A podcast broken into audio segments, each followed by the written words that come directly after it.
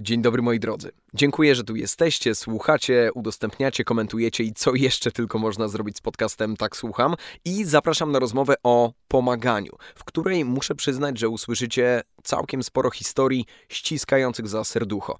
Moją gościnią jest Aleksandra Rutkowska, prywatnie koleżanka jeszcze z czasów studenckich, zawodowo rzeczniczka Polskiego Centrum Pomocy Międzynarodowej. Rozmawiamy o tym, czym jest pomoc humanitarna w 2021, jak powinna ona wyglądać w takim świecie idealnym, o czym na co dzień marzą dzieciaki w Libanie, jak możemy się edukować w tym temacie i najważniejsze, jak na co dzień możemy pomóc. Zapraszam na kolejny odcinek podcastu. Tak słucham.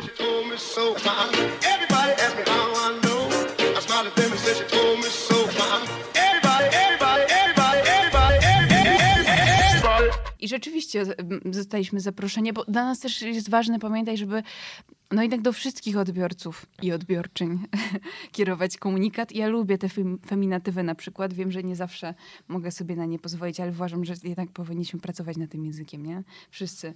Więc przemycam tam, gdzie mogę. Czasami mi się mm, oberwało, jak przesadziłam, czyli wiesz, już mm, pisałam o tym, że chirurżka i dermatolożka jest w Libanie. I właśnie, to już trudne słowo, nie? To już takie, tak, trudniejsze słowo i tak ola stopniowo, w sensie czasami tak Kenijki, Kenijczycy, to już bardziej działa. Na przykład tam w ogóle jest case e, ze strażą pożarną taki, że się nie odróżnia, czy jesteś strażakiem, czy strażaczką. U nas kobieta strażaczka to jest takie wow, a tam jest, ej, jesteś takim samym człowiekiem jak ja. Nie ma tutaj okay. różnic. Fajnie, że nie ma tego rozróżnienia płciowego tam akurat. A wiesz, im dalej nam się wydaje, to mi się, nam się wydaje, że my jesteśmy tacy, wiesz, równi, a, a, a okazuje się, że hen hen daleko, jednak ta, tam sobie lepiej z tym radzą. Ale to ciekawe, co powiedziałaś odnośnie tego, żeby docierać wszędzie szeroko. To, co rozmawialiśmy wcześniej przez telefon, ale też, też wcześniej przed rozmową e, odnośnie tego, jak ten, jak, jak pomoc odbierana jest teraz trochę w mainstreamie. Jak ty chciałabyś w takim świecie idealnym, jak ona powinna być odbierana? Rozmarzyłam się teraz. Wiesz co, w świecie idealnym chciałabym, żeby ta, to opowiadanie historii o człowieku było przede wszystkim skupione na tym, żebyśmy mm, traktowali wszystkich z dużym szacunkiem, także na poziomie języka. Żebyśmy potrafili pisać o pomocy w taki sposób, żeby nie uwzniaślać tego, co my robimy, ale jednocześnie nie, mm, nie stawiać się w roli podmiotów. To znaczy, wszyscy żyjemy na, na planecie Ziemia, i nie ma znaczenia, gdzie się urodziliśmy, i to nie od nas zależy, więc na poziomie języka dbajmy o to, żebyśmy traktowali się jak poszczególne podmioty, jednostki, które, no, przez wzgląd na to, że urodziły się w mniej przychylnym do życia miejscu, e, nie były przez to no, traktowane gorzej na, choćby na poziomie języka.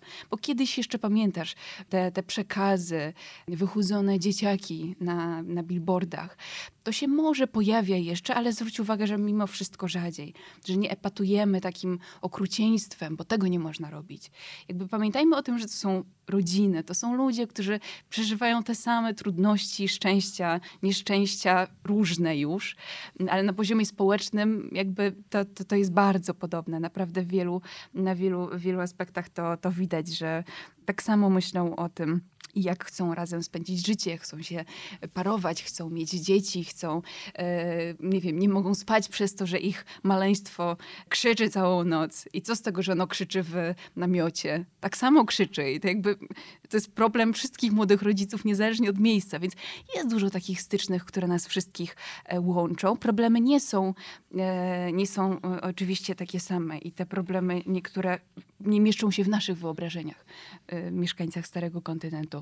To mi się marzy tak, żebyśmy byli równi, tak też w naszych głowach, bo zwróć uwagę, że my sami przechodzimy jakiś proces, my się też uczymy trochę tego języka. To nie jest tak, że wszystko robimy idealnie. Przed chwilą rozmawialiśmy o feminaty feminatywach, e, że one się pojawiają w języku coraz tak... E, coraz chętniej, ale jednak... Śmielej, tak. ale nie we wszystkich sytuacjach one są mile widziane. Mm, chociaż już nikogo premierka chyba nie dziwi, co? Premierka, tak, tak myślę. Ale... Mm... No, muszę przyznać, że mnie z tyłu głowy dalej to brzmi jak taka mała premiera muzyczna. Tak, tak tak, jeszcze? tak, tak, tak, tak, tak, Ale tak, zwróć tak. uwagę, że to, to jest Ale proces. psycholożka na przykład uważam 100% już, kupujesz już to. tak, już kupuję w pełni. No i to jest, i myślę, że to, to o czymś świadczy. Wydaje mi się, że zobacz, może dla nas to wciąż jeszcze jest takie, uczymy się tak pływać w tym, ale myślę, że 10, 20, 30, i dalej, dalej. Dla, dla tych naszych młodszych kolegów i młodszych pokoleń to już nie będzie chyba aż tak e, szokujące. Bo my, zobacz, z każdą dekadą e, jakby uzbrajamy się jako e, w ogóle społeczeństwa w takie fajne narzędzia, idee, myśli, które nas ubogacają i nawet jak patrzysz na, na rzeczywistość jakby daleko od tego, czym ja się zajmuję, to widać, że jesteśmy jacyś tacy czulsi na, na, na komunikat, na to, jakie mamy prawa, na, na jakieś takie niuanse, które jeszcze 20 lat temu, nawet odpal sobie przyjaciół. I widzisz, te, jak ten język tam wyglądał? Mhm. W życiu byś się nie odważył tak powiedzieć. Ja też nie. Wtedy nas to nie raziło, bo nie mieliśmy wszystkich narzędzi, żeby mówić, żeby budować e, komunikat. Teraz mamy ich więcej. I może popełniamy błędy. I to nie chodzi o to, żeby się jakoś e, piętnować, krytykować, tylko, e, tylko mieć świadomość tego i, i umieć się przyznać do tego, że nie zawsze wszystko komunikujemy właściwie. To też jest takie, ten ta autokrytyka jest nam potrzebna. No dobra. My tam razem coś dobrego, fajnego zrobili, bo wszystko bo... się zaczyna od języka. Niezależnie od, e, niezależnie od okoliczności. Dużo mówimy w kontekście nienawiści i przemocy o tym. Jak niepanowanie nad językiem, jak, jak dużą szkodę może uczynić. Tak samo to działa w drugą stronę. Jak będziemy za pośrednictwem języka starać się przekazywać jakieś myśli, to tam gdzieś się w nas zagnieździ silniej i może też będziemy ten obraz pomocy, albo też obraz kultur, które są nam odległe i to nie jest nasza wina, że wszystkich ich nie znamy. Że jakoś tak będziemy trochę lepiej e, umieli współegzystować w tym takim mikroświecie. E, no dobra, ale póki ten język nie jest taki do końca, nazwijmy to, uprasowany i ułożony i też ta komunikacja nie jest taka jasna, to myślę sobie, że czasami te zdjęcia w cudzysłowie wygłodzonych dzieci, kiedy pokazujemy, hej, faktycznie tam jest problem, no mam wrażenie, że okej, okay, z jednej strony jest to w pewien sposób oklepane i na pewno dla nich krzywdzące, ale z drugiej strony wywołuje u nas jasną reakcję po prostu jest prosta emocja. Widzimy to zdjęcie, ok, tam prawdopodobnie trzeba pomóc. Jak w takim razie, jak sobie myślisz o tej sytuacji, osiągnąć ten sam efekt, ale w sposób taki, żeby nie krzywdzić nikogo? Właśnie to słowo będzie rozwiązaniem? To jest bardzo dobre pytanie, bo moim zdaniem obraz budujemy właśnie nie tylko poprzez, e, poprzez ten efekt wizualny, ale też całą opowieść i historię moim zdaniem historia nas e, może zmobilizować do działania. Ja wiem, że czas pędzi, świat pędzi i czasami trudno jest się zatrzymać i takiej historii wysłuchać. Ale historię opowiada się przecież przez zdjęcia i, e, mm, i bardzo dużo można przekazać, niekoniecznie epatując okrucieństwem. Nie chodzi o to, żeby, żeby ten obraz e, ukrywać. E, absolutnie nie. I e, to też jest taka odwieczna dyskusja, nazwijmy to tak, między tym, co jest fundraisingiem, czyli takim, takim konkretnym działaniem, które zmobilizuje mnie, ciebie i wszystkich wokół nas do działania, konkretnego działania.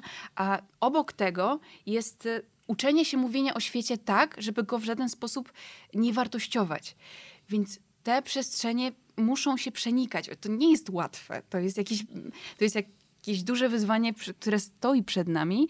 Nie zawsze to jest, e, nie zawsze jest to łatwe i ostatecznie te zdjęcia się w jakiejś tam mierze pojawiają, ale to inaczej jeszcze Inaczej jest, jeżeli pokazujesz historię z życia, urywek z życia takiego, takiej, e, takiego młodego człowieka, małego człowieka w centrum w Gordim na przykład, gdzie my jesteśmy w centrum dożywiania. Dzieciaki, które jakby czekają w kolejce, czekają na pomoc. My z jednej strony staramy się też dbać o to, żeby po pierwsze te rodziny podpisują z nami zgody na, na wykorzystanie wizerunku. To jest strasznie ważne, że my nie możemy traktować ludzi jak produkty, dzięki którym pozyskujemy środki ok, dla tych ludzi, konkretnie dla nich, ale to musi się odbywać tak samo jak nie występujemy w reklamach w Polsce i my otrzymujemy za to mm, e, jakąś... No tak, e, świadczenie, nie? Jakieś świadczenie. Więc bardzo ważne jest dbanie jakby na poziomie jeszcze realizacji takiego działania. To już jest pierwszy krok, który podejmujemy. A drugi krok, w jaki sposób to zdjęcie, nawet jeżeli to jest zdjęcie, e, które pokazuje rodzinę, mm, na którą chcielibyśmy zwrócić uwagę świata, naszych kolegów, koleżanki w Polsce i w ogóle obcych nam, i wydaje mi się, że są sposoby, żeby zrobić to etycznie, zrobić to w zgodzie z, z tym, co jest e, takim moralnym kręgosłupem, żeby nie, nie, nie pokazywać dziecka skrajnie cierpiącego bo, bo nikt z nas nie chciałby mieć, być, być fotografowany w takiej sytuacji. I wydaje mi się, że chyba o to chodzi, że może nie z, rzeczywiście zrezygnować w całości, chociaż ja naprawdę wierzę w to, że, że jest słowo potęgą i że wiele tych historii możemy opowiedzieć i to z jednej strony możemy zmobilizować do działania i tak e, i są przykłady efektywnych, e, efektywnych historii, które wywołały to działanie. I to było chociażby w przypadku e, kryzysu w północno-zachodniej Syrii w roku ubiegłym.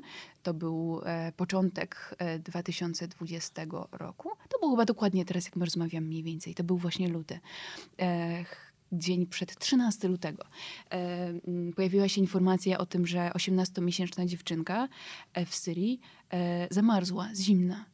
Mm, zamarzła dlatego, że nie miała gdzie się znaleźć, bo e, jej rodzice, tak jak miliony innych ludzi w Syrii, e, od 10 lat się przemieszczają w różne części, migrują wewnętrznie.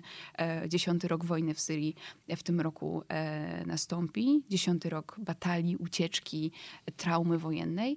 Ta 18-miesięczna Iman i jej historia stała się takim motywatorem do działania. To znaczy, jej historia trochę opowiedziała o historii całej grupy ludzi stłuczonej na małym terenie tuż przy granicy z Turcją.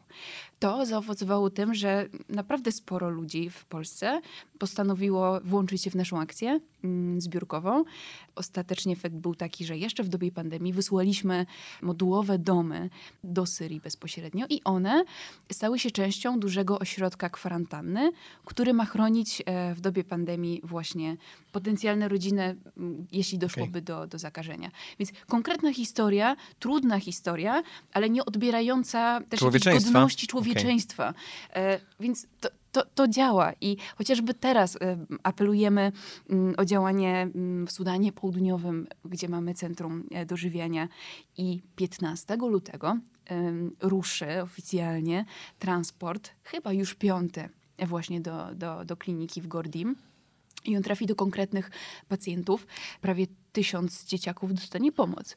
I to też było poprzedzone e, opowieścią o osobach pracujących w tym centrum dożywiania, e, o konkretnych imionach, e, o konkretnych historiach. I tam nie musieliśmy emanować, epatować, przepraszam, okrucieństwem, tylko zwracać uwagę na problem, oczywiście i, i z jakby pełną mobilizacją, ale może żeby nie bazować na takich no skrajnych przypadkach, tak. Tak, nie można tego robić, bo, bo potem budujemy sobie, mamy takie wyobrażenie i walczymy z stereotypem Afryki jako całości. To jest potężny kontynent, niesamowicie różnorodny, pełen kultur. Nie każda część, nie każde państwo w Afryce e, jakby kojarzy się z głodem. Oczywiście to jest duże wyzwanie, ale chociażby spójrzmy na Kenię, świetnie się rozwijającą, która dostaje od nas e, przede wszystkim wsparcie rozwojowe, bo to jest, e, to jest klucz i wyzwanie e, akurat w tym kraju. To jest kraj, który teraz ma 50 milionów ludzi, a wyobraź sobie, że w 2014 roku w całym tym państwie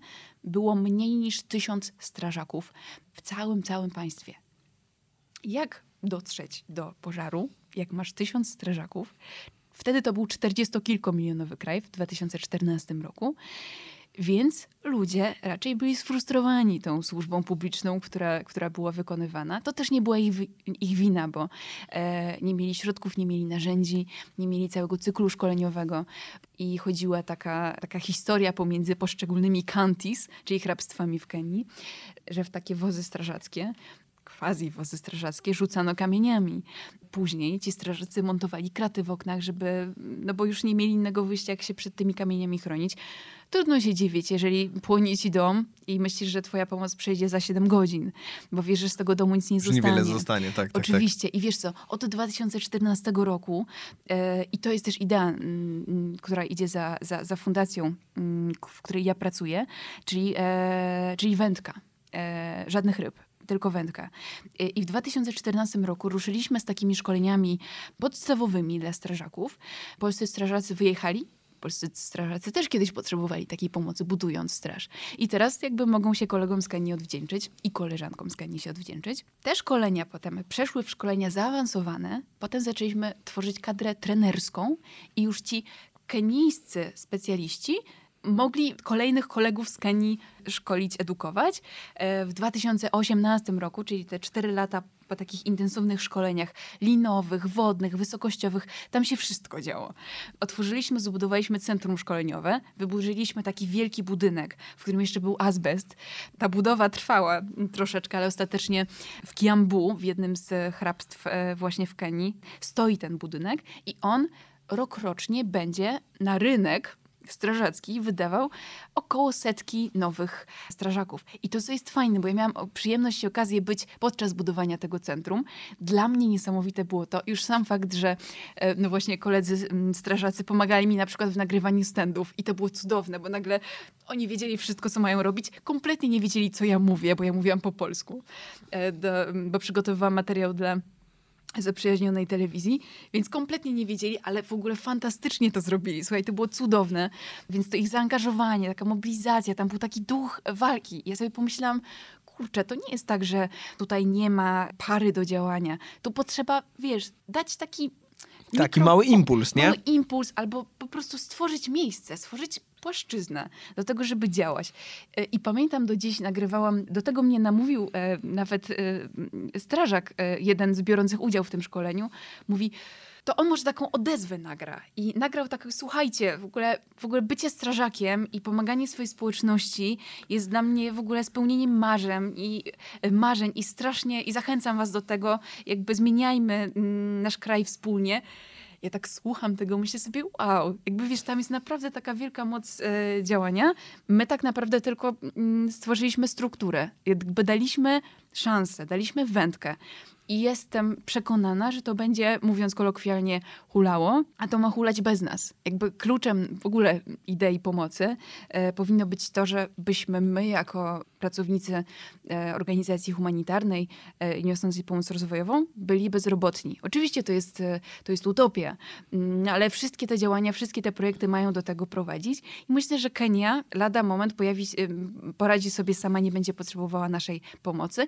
Już ten ostatni rok pokazał, wiesz, pandemiczny, mm, bo wiele z tych e, działań było utrudnionych przez to, że, e, że były lockdowny, że, że musieliśmy wiele działań podjąć zdalnie i przez to, że tak naprawdę od wielu lat tam jesteśmy i wypracowaliśmy też e, relacje, też strategie działania, współdziałania, okazało się, że świetnie sobie, świetnie to działało, pomimo, że mm, Wiele z tych mm, kursów odbywało się w formie online, bo ci strażacy czy trenerzy, oni już wiedzieli wszystko. Oni po prostu dostali narzędzie i korzystają z niego e, w 100%. Więc to, co teraz robimy, wiesz, staramy się jakby wejść na kolejny poziom tego rozwoju tej służby publicznej i oby tak wszystkie projekty płynęły. Tak jak teraz e, budujemy też e, ratownictwo medyczne w Palestynie, też rozbudowujemy strukturę między innymi. Więc to jest też różne takie, wiesz, aspekty, mm, to akurat bezpieczeństwo mm, stricte przeciwpożarowe, chociaż nie tylko, bo strażacy, jak wiemy, e, mają więcej zadań. No dobra, to porządkując wątki, bo ja nie ukrywam, że się troszkę zasłuchałem. Wracając do tego, o czym gadaliśmy, czyli o przekazie medialnym, podpisuję się pod tym zdecydowanie, bo moje reakcje również były takie, że widząc te zdjęcia, których się już przyczepiliśmy, one są, ok, wywołują emocje, ale są takie trochę, powiedziałbym, much i człowiek jednak yy, gdzieś tam z tyłu głowy mówi, no może nie odcina się od tego, ale, ale jest to po prostu ostry obrazek w naszej pięknej, uprasowanej rzeczywistości. A ta historia, chciałbym, żeby to zmierzało trochę w tę stronę, że żebyśmy interpretowali to na tej zasadzie, że to są tacy sami ludzie jak my, mają takie same problemy i im tak samo trzeba pomóc.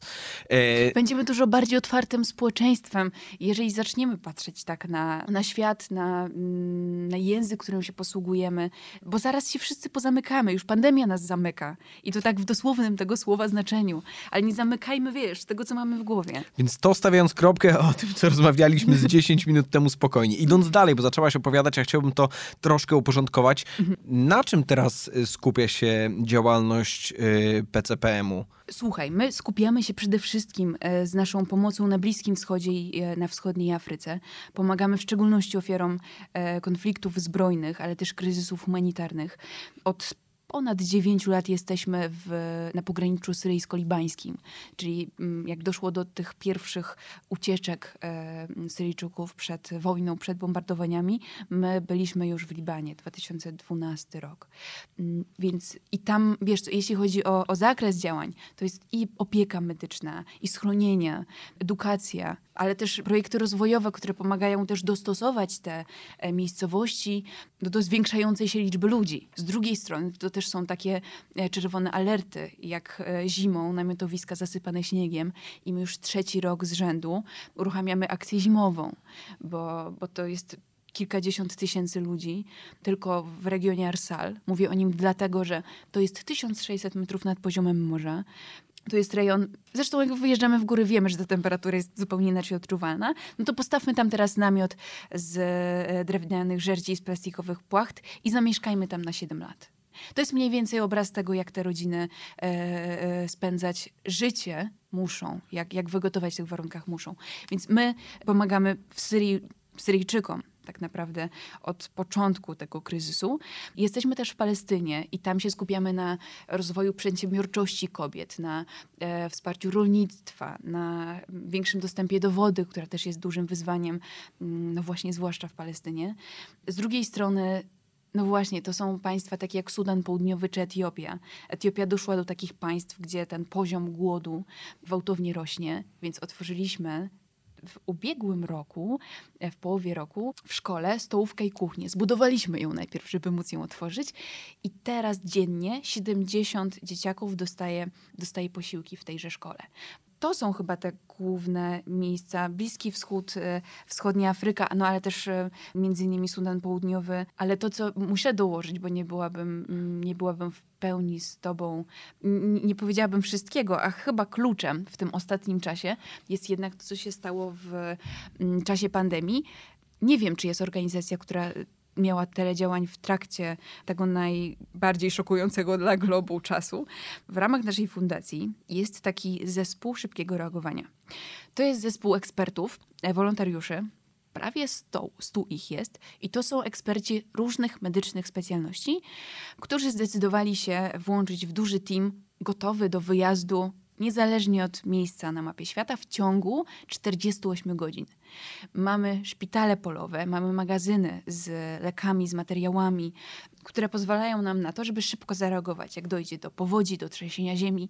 E, I sprawdzaliśmy te umiejętności w Nepalu, w Peru, ale także podczas kryzysów, jak w irackim Kurdystanie czy na Ukrainie.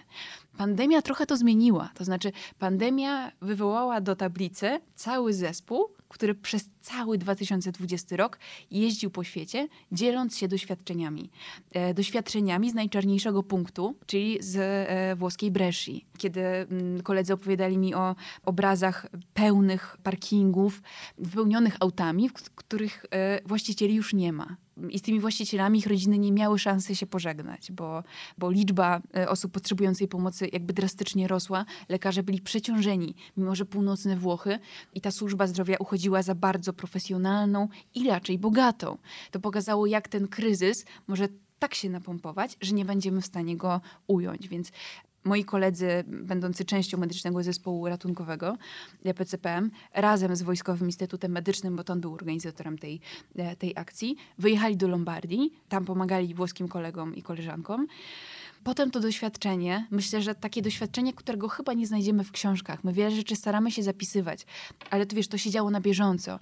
Zaraz po, po końcu misji włoskiej był Kirgistan, potem Tadżykistan, potem Madagaskar, potem Etiopia, potem Liban i tak dalej, i tak dalej. W tym roku myślę, że kolejne misje już się gdzieś rysują, konkretne punkty. Różnie, również wydawać się będą i uprzedzę pytanie, które może się pojawić, dlaczego mm, polscy lekarze wyjeżdżają w czasie pandemii z Polski. A więc oni wyjeżdżają na takie misje dwu, trzytygodniowe, tak naprawdę pomyślmy sobie o tym. To jest kilka osób, które wyjeżdża, potem wraca z jeszcze większym doświadczeniem.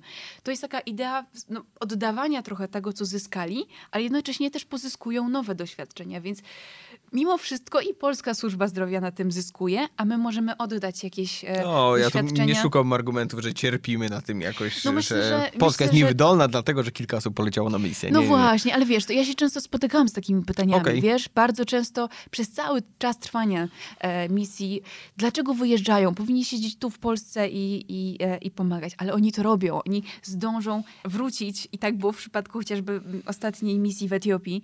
E, rozmawiałam z jedną z lekarek, która e, zdążyła dolecieć, e, zrobiła testy. Te testy jakby dały jej mandat do dalszego działania, czyli ratowania ludzkiego życia i zdrowia. Minęło, nie wiem, 48 godzin i wskoczyła na dyżur do swojej macierzystej placówki, w której pracuje. Więc e, to jest niesamowicie intensywny czas, ale też jaki intensywny tryb dla nich, bo oni jeszcze muszą, wiesz, nikt im, nie bierz pod uwagę, że oni wracają z drugiego krańca świata.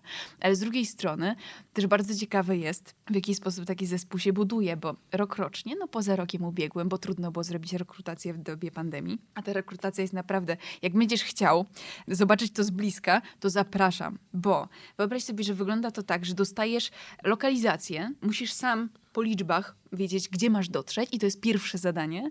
Dostajesz tylko informację, że przez dwie doby musisz mieć wszystko, co ci jest potrzebne do przetrwania i się zaczyna. I to jest po prostu, to są dwa, dwie doby tak intensywnego e, egzaminu terenowego. On jest oczywiście poprzedzony takim zweryfikowaniem umiejętności, to raczej muszą być lekarze, pielęgniarze, pielęgniarki, e, mm, psychiatrzy, którzy mają duże doświadczenie zawodowe. To znaczy, każdy musi trochę przepracować, bo nigdy nie wiemy, w jakim miejscu na świecie będziemy mieli się znaleźć nagle, i to w ciągu 48 godzin. Więc oni przez te dwie doby są naprawdę sprawdzeni z każdej możliwej strony. Oni kompletnie nie śpią. Jak obserwowałam przez dwie doby to, co oni muszą robić, to byłam... To był kosmos. Oni muszą się z jednej strony wspinać, potem muszą przez, akurat trafiliśmy na fantastyczną pogodę, lało jak nie wiem. Przez tę pogodę muszą się przedrzeć w ciemnym lesie i nagle dostają kartkę i przez e, dwie godziny muszą dodawać cyfry. Potem nagle su- m, wchodzą do miejsca, gdzie jest symulacja zdarzenia masowego, ludzie udają m, pijanych, nieogarniających. Chodzi o to, żeby, wiesz, przygotować wszystkie możliwe scenariusze. Chociażby jeden z ratowników opowiadał mi i to było już doświadczenie, które zostało wyjęte z konkretnej, e, konkretnej misji, bo moi koledzy i koleżanki przygotowując te, te egzaminy też bazują na własnych doświadczeniach. E, w jednym ze szpitali, w którym mm, mieliśmy taką, taki projekt medyczny, Marcin opowiadał mi właśnie, byli przed szpitalem, to było pogranicze Sudanu, e, Sudan, Sudan Południowy, Uganda i mieli takie słuchawki lekarskie założone na, na, na, na szyję i nagle wysiada ciężarówka ludzi z bronią i oni się zatrzymali i tak patrzyli i jak, e, i już jakby szli w ich kierunku i Marcin podniósł tak jakby delikatnie te słuchawki, które miał. Ci żołnierze na nich spojrzeli i tak jakby machnęli, e, machnęli, machnęli głową. To znaczy oni wiedzieli, że oni przyjechali tu pomagać, nie przeszkadzać. Oni przyjechali tu leczyć, a nie robić cokolwiek innego. Nigdy nie wiesz, w jakiej sytuacji się znajdziesz. Są to rejony niestabilne po prostu. I to, co jest właśnie najbardziej zgubne w takim mm, myśleniu o, o tych miejscach, jak już na przykład wyjeżdżasz bardzo często i nie możesz stracić tej czujności, bo wydaje ci się, a przecież jest normalna ulica, nic się nie dzieje.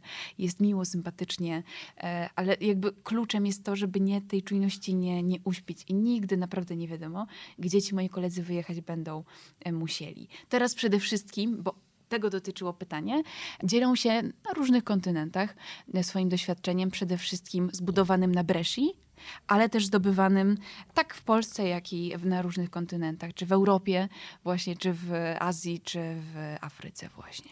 Trzymając się e, tej historii, chciałbym zapytać, jaki człowiek jedzie, a jaki wraca? Pamiętasz swoje pierwsze miejsce? To była Syria, tak? Po raz pierwszy, kiedy Pierwszy pojechałaś? Raz to było pogranicze syryjsko-libańskie. Okej, okej. No bo umówmy się, to nie jest standardowa decyzja, że człowiek, który mm, pracuje w ciepłej redakcji, zmienia, zmienia pracę, tak jak w twoim przypadku. Interesuje mnie to, jakie to są emocje, kiedy człowiek jedzie i z czym wraca po raz pierwszy, kiedy pojawia się w takim miejscu. wraca zdecydowanie inny, bo zostaje obdarzony przez ludzi, którzy znajdują się w tak bardzo trudnej sytuacji, bo to są historie, które rozrywają ci serce, jak ich słuchasz. E, I musisz pamiętać o tym, żeby one, że ty je, nie słuchasz ich po to, żeby ci rozrywały serce, mimo że tak się dzieje, tylko po to, żebyś ty był jakimś takim kurierem informacji, kurierem opowieści e, i te informacje oddał dalej. Więc pamiętam te pierwsze spotkania z rodzinami, które na pograniczu y, ze wzgórza widziały dom, których, którego już nie ma. I to dom ten metaforyczny, osobowy, czyli bo stracili część rodziny, i ten dom fizyczny, ściany, których już nie ma.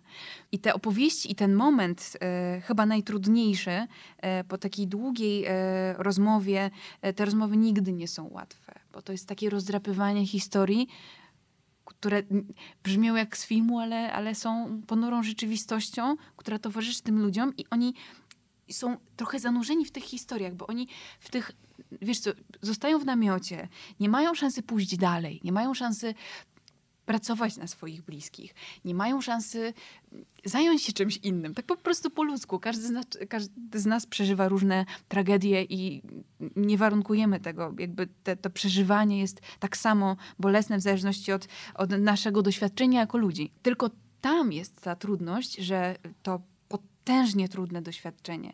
Ta trauma wojenna e, po pierwsze nie jest w żaden sposób e, no, niwelowana rzeczywistością, bo, bo, bo w, ty, w tej traumie się pogrążasz w tym pomieszczeniu, z którego no, nie masz wyjścia, bo, bo nie masz gdzie się przenieść, uciec, co, co robić dalej. Dalej, nie wiesz, co, jak będzie wyglądała twoja przyszłość, nie wiesz, jak będzie wyglądała przyszłość twoich dzieci. Po tej przyszłości, no trudno ją dostrzec. My, pracując tam, e, musimy cały czas układać to sobie w głowie, bo, bo możemy nieść tę podstawową pomoc humanitarną, ale cały czas z tyłu głowy masz, nie wiem, masz Fatimę, która, jak jej tata opowiada, świetnie się uczyła. E, w ogóle kochała się uczyć, w ogóle miała z tego niesamowite, niesamowitą radość. Chciałaby być lekarką i większość właśnie mm, dzieciaków, których poznałam e, właśnie w Libanie, Syryjczyków małych, oni wszyscy, słuchaj, chcą wykonywać takie zawody, takie społecznie użyteczne takie, żeby mhm. tym jakby i mojej społeczności, i innym ludziom było lepiej. Czyli właśnie lekarz, nauczyciel. Tam nikt ci nie powie, że chciałby zostać gwiazdą. No nie wiem, kim, się, kim, kim chciałeś zostać, jak byłeś młody? Ja chciałam być archeolożką. No ja niestety muszę odpowiedzieć, że chyba też strażakiem chciałem zostać, ale rozumiem, y, o, o czym mówisz. Ale to że... fajne, bo wiesz, bo ta wyobraźnia trochę się zawęża do wpływania na poprawę losu, który mhm. jest trudny, nie? Okay. Więc y, to jest bardzo trudne, jak widzisz zdeterminowanych i, i, i zdolnych młodych ludzi, dla których prawdopodobnie przyszłości nie ma. Albo jaki jest to dla, nie wiem, jakiejś, jakiegoś promila, któremu się, któremu się uda. I to jest historia, rozmawialiśmy sobie o tym kiedyś, to jest historia opowiedziana poprzez film Kafarnał w reżyserii takiej libańskiej reżyserki e, Nadine Labaki, która opowiadając historię całej społeczności syryjskiej, szukała osoby, no właśnie takiej jednej, przez którą może powiedzieć szerzej o tym, co się dzieje. I znalazła Zeyna i jego rodzinę. I to jest też bardzo ciekawe, bo film jest zrobiony, wiesz, hollywoodzka produkcja. Tylko ta hollywoodzka produkcja, w jej centrum byli prawdziwi uchodźcy syryjscy. I Zeyn, rzeczywiście, bo ten film odniósł wielki sukces, był nominowany do Oscara, Zeyn w wieku kilkunastu lat, już po premierze, po tym wielkim sukcesie, który, który, który odniosła Nadine i, i cała ekipa filmowa, udało mu się e, przenieść do jednego z ze skandynawskich e, e, państw przy pomocy właśnie wysokiego komisarza do spraw uchodźców. I po raz pierwszy w życiu ten kilkunastoletni chłopiec spał w łóżku. Nie spał na ziemi, na podłodze, na zatęchłym materacu, tylko spał w łóżku człowiek, który wiesz, którego widzieliśmy we wszystkich kinach świata. To pokazuje, że wiesz, że to jest promil. To jest jedna historia, która skończyła się dobrze, ale Zayn reprezentował całą swoją e, społeczność. I, I to jest trudne chyba, wiesz, bo, bo widzisz ogrom tego cierpienia i nie będziesz w stanie mu zapobiec. Bo wydaje ci się, że, że przyjdziesz, wrócisz tutaj do kraju, opowiesz o tym wszystkim każdy ma swoje problemy. Czasem oczywiście udaje nam, są, są takie okna pogodowe. W newsroomach mówi się na to sezon ogórkowy. I wtedy można, wtedy jest miejsce. I wtedy można, ale też wtedy jakaś taka czułość w nas się budzi, że chcemy pomagać, to jest zawsze w święta, w Dzień Dziecka. To są takie uroczystości i historie, że tak na chwilę jakoś tak otworzymy te nasze zamknięte oczy i, e, i, i tak współczujemy, otwieramy się też fakt, że w pandemii to wsparcie nie zniknęło, bo tego się obawialiśmy. Ale z tego co wiem, no zachowaliśmy taką, taką, taką czułość na rzeczywistość. I to była jedna z tych rzeczy swoją drogą, o której ja myślałam, że jest dla nas globalną szansą, bo Jak myślimy o pandemii, to myślimy, no to nam się kojarzy z wszystkim, co, co brzydkie, co brudne, co mm, zabiera ukochanych, tak młodych, jak i starych, które rujnuje gospodarki, które wpędza w ubóstwo i to masowe ubóstwo, które potęguje głód do w ogóle milionowych, wiesz, liczb. A te, za tymi liczbami jest zawsze rodzina, zawsze historia.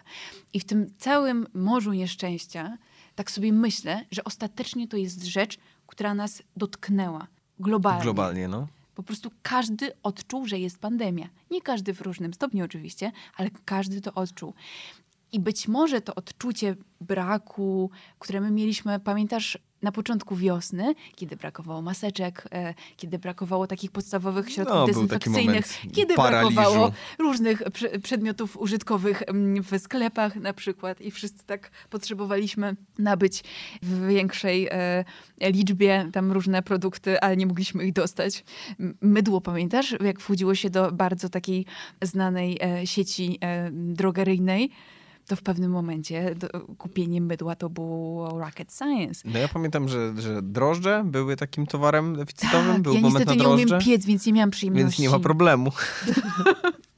Ale wiesz co, to poczucie braku, takie chwilowe nawet, Mhm. że ono gdzieś zostaje nam ta świadomość. No To tak. jest jednak doświadczenie nasze globalne, które mam nadzieję, że będzie rezonować. Ja mam nadzieję, że to nie jest jakaś płonna właśnie moja nadzieja na to, no ale fakt, że gdzieś tam nie zostawili nas darczyńcy i mają, mają świadomość tego, że kurczę, no nam się dostało w tym 2020, ale pomyślmy sobie o tych na przykład rodzinach w Etiopii. W Etiopii, to tylko sobie taki krótki wstęp, żeby nie przegiąć i, i cię nie zagadać. W Etiopii wprowadzono stan wyjątkowy razem z, razem z ogłoszeniem pandemii.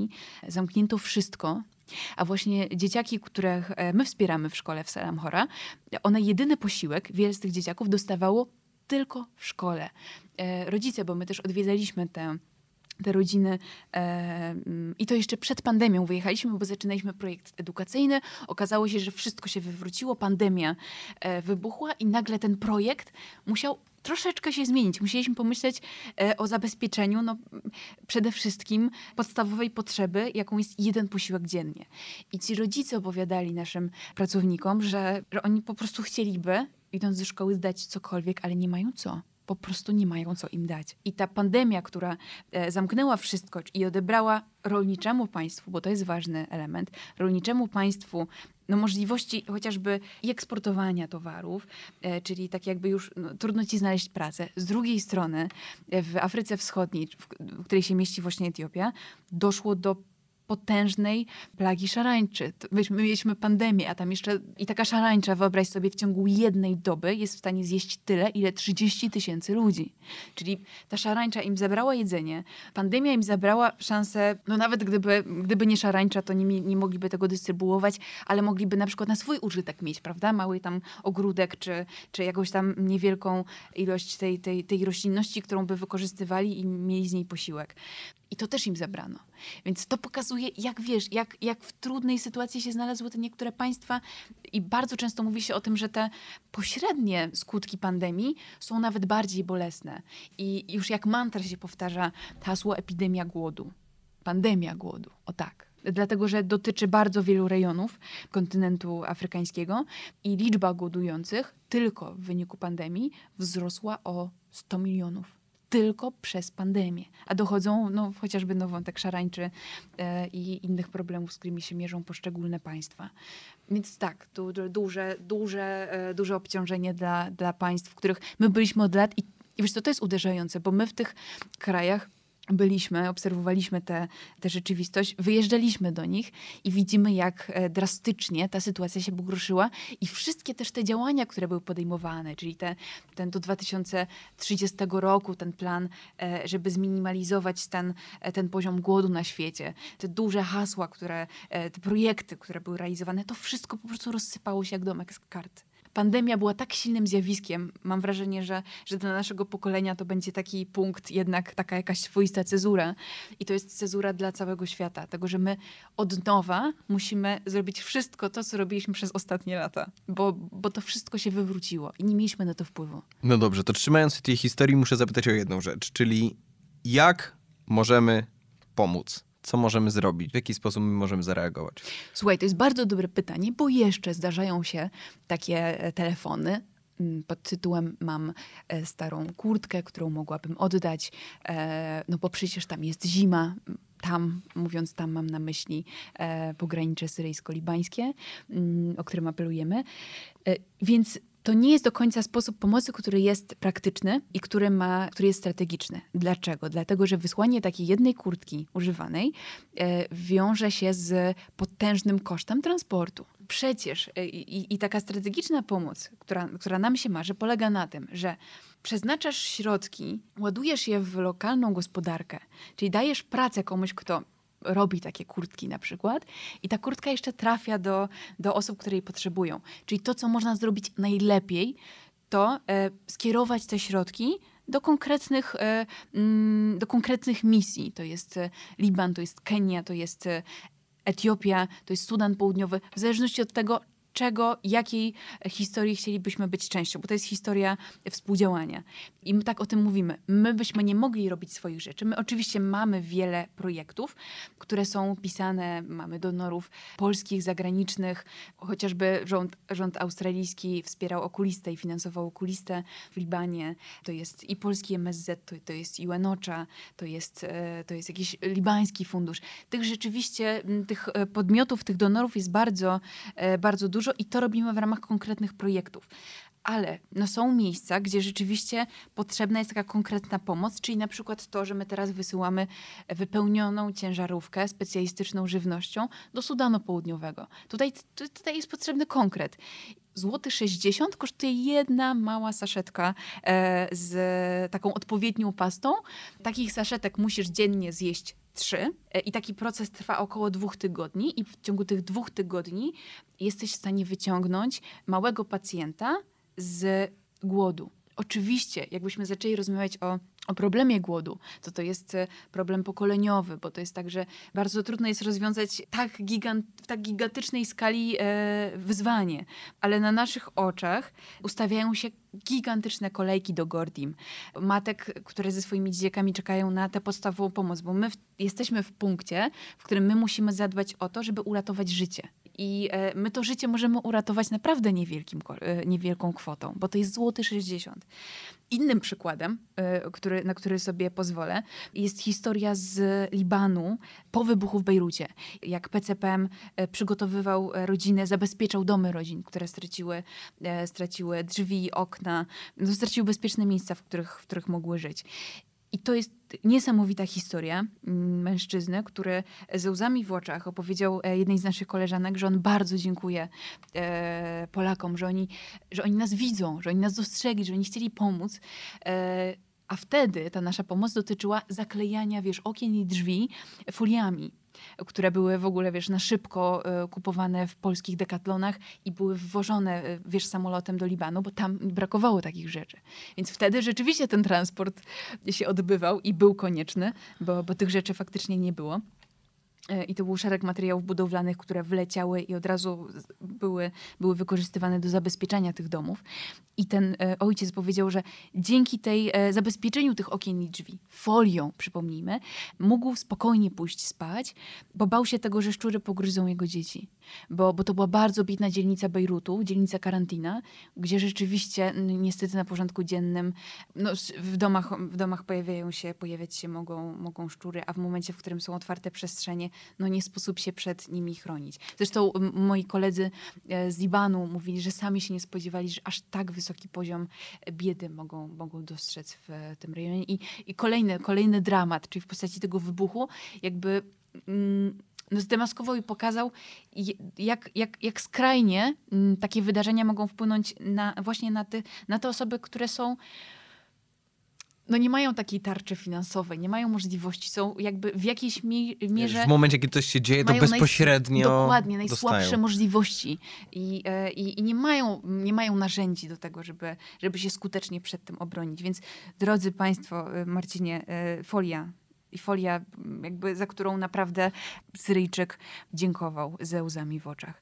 Więc e, oczywiście jakby teraz trwa cały proces e, i mamy taki program Cash for Rent. To też jest jeden z takich sposobów na strategiczną pomoc, w którym staramy się też tę społeczność i libańską, i syryjską ze sobą łączyć, bo my dajemy Syryjczykom takie karty, za które oni mogą opłacać garaże, pustostany, w których żyją, bo uchodźcy żyją nie tylko w namiotach, które często widzimy na, w różnych materiałach czy na zdjęciach, ale w takich no właśnie garażach, schronieniach bez okien drzwi w jednym z takich schronień właśnie i o tym świadczy, że to wcale nie jest dużo lepsza sytuacja, bo w jednym z takich schronień e, wspomniana przeze mnie Iman wcześniej zamarzła z zimna, więc to wcale nie jest tak, że te schronienia, skoro są betonowe, to są, to są bezpieczniejsze. Nie do końca. To wciąż jest trudna sytuacja. Staramy się z jednej strony właśnie dofinansowywać Syryjczyków poprzez olej, olej opałowy, żeby mogli ogrzewać te pomieszczenia, ale z drugiej strony, żeby mogli opłacać czynsze w tych piwnicach i e, w tych piwnicach i w tych e, pustostanach i robią to osobiście. My im dajemy kartę i oni płacą e, Libańczykom za te konkretne miesiące.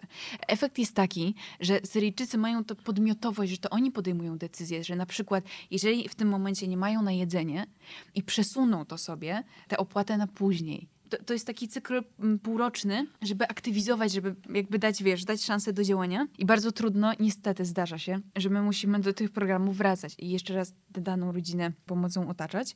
Oprócz tego, że właśnie mm, wprowadzamy u, u, u rodzin syryjskich, to on także w, teraz w sytuacji Libańczyków trudnej też, bo to jest y, mały kraj, mm, położony zaraz no, przy państwie pogrążonym w wojnie, kraj, który jest wielkości naszego świętokrzyskiego, w którym jest teraz ponad milion Syryjczyków. W żadnym miejscu na świecie nie ma tylu gości, tylu osób uciekających przed wojną, jak właśnie w Libanie na jednego mieszkańca.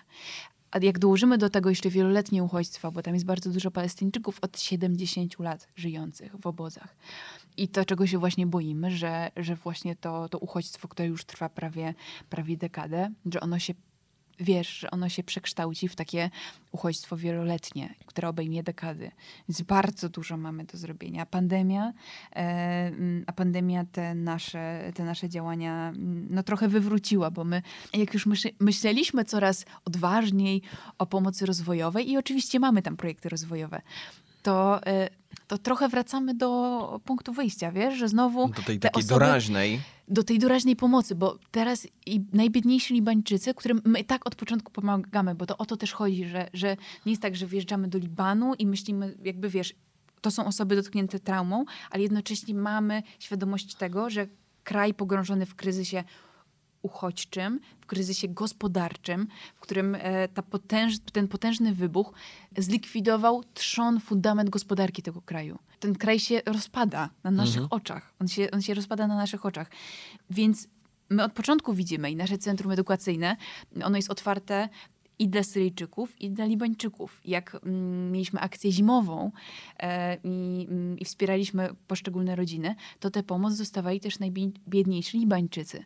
Bo jakby ta sytuacja rzeczywiście wpływa na cały, na cały region i my musimy mieć tego świadomość, żeby nie tworzyć podziałów. My musimy widzieć tych, którzy są najsłabsi, najsłabsi to znaczy pod kątem możliwości, jakie mają e, i którzy są w takiej alarmowej, e, alarmowym punkcie i, i to nasze działanie natychmiastowe jest po prostu konieczne, niezależnie od tego, e, jakiej jesteś narodowości, albo czy masz obywatelstwo, czy nie, bo pamiętajmy o tym, chyba nie dodaliśmy, że to jest jedno z praw, które które dla nas jest oczywiste, a, a, a, tam ono, a tam tego nie ma.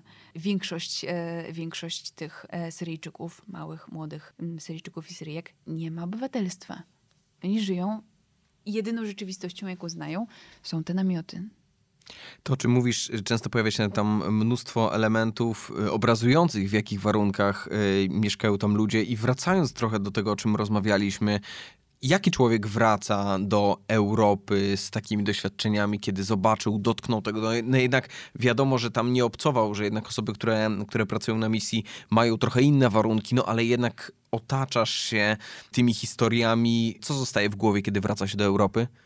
Wiesz, co jesteś zmotywowany, jesteś wdzięczny za to, co masz, zdajesz sobie sprawę silniej ze swojego uprzywilejowania i masz ogromne poczucie obowiązku do tego, żeby to uprzywilejowanie wykorzystać w dobry sposób żeby jakkolwiek te, te, te nierówności w mikro nawet skali niwelować. Bo wiesz, ja wiem, że ja sama świata nie, nie, nie zbawię i mm, wszyscy moi koledzy, którzy, którzy robią to samo w różnych częściach świata.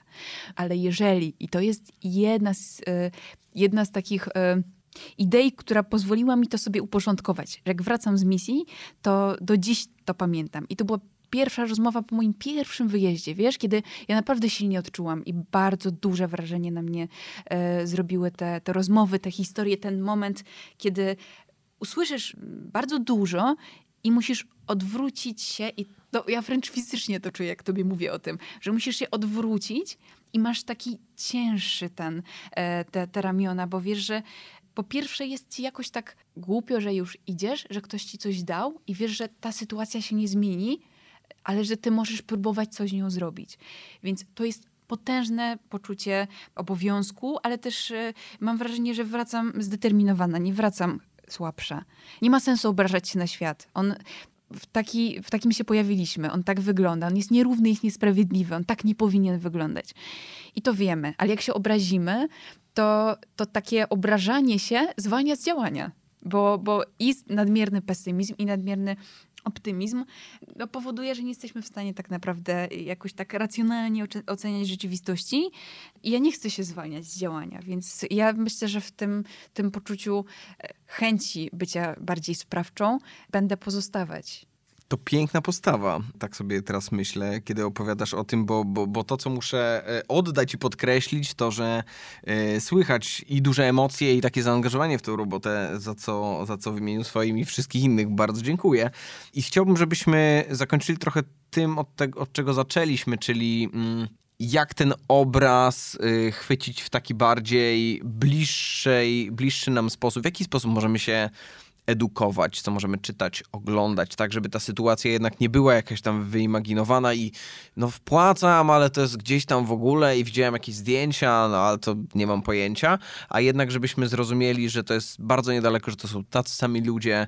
My też kiedyś byliśmy imigrantami i, i po prostu tym, którzy teraz są, warto pomóc. Jak możemy się edukować? Czytajmy bardzo dużo, czytajmy e, literaturę reportażu, starajmy się to naprawdę jest podróż. Zobacz, teraz w pandemii trochę podróżować nam się nie udaje e, z różnych przyczyn, ale ja naprawdę mam wrażenie, że, że, że książki e, dają ci tak szerokie pole w ogóle do, też do, do budowania i, i świadomości e, i wyobraźni tego, jak ten dany rejon świata wygląda. Nie bójmy się wyjeżdżać. Jak mam nadzieję, że za chwilę będę mogła to takim zdecydowanym tonem powiedzieć, ale wyjeżdżajmy to jest tak, że tym naszym działaniem, oczywiście bądźmy dalecy od takiej, takiej turystyki brzydkiej, która e, w tych danych e, rejonach świata no nie pomoże tym, tym, tym poszczególnym e, społecznościom, ale nie bójmy się tych, tych państw. To są naprawdę ciepli, fajni, fajni ludzie. Szczerze, to czego ja zawsze zazdroszczę rodzinom, które poznaję w Libanie, Syryjczykom, które poznaję, to jest to niesamowite ciepło i dobro, które mają w sobie. Ja tak sobie myślę i zastanawiam się krytycznie, czy ja po siedmiu latach miałabym w sobie tyle ciepła do, do, do osób, do, do ludzi.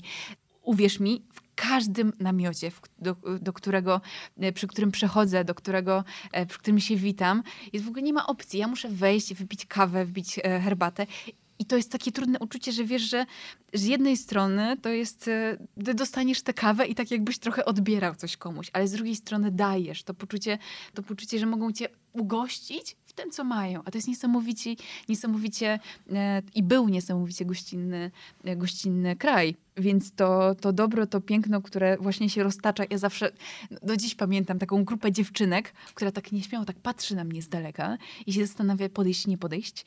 E, w końcu decydują się podejść, tak podchodzą, podchodzą i jedna dziewczynka tak wykłada ręce i na tym ma, ma takiego żywego kwiatka, który mi, którego mi chciała przekazać.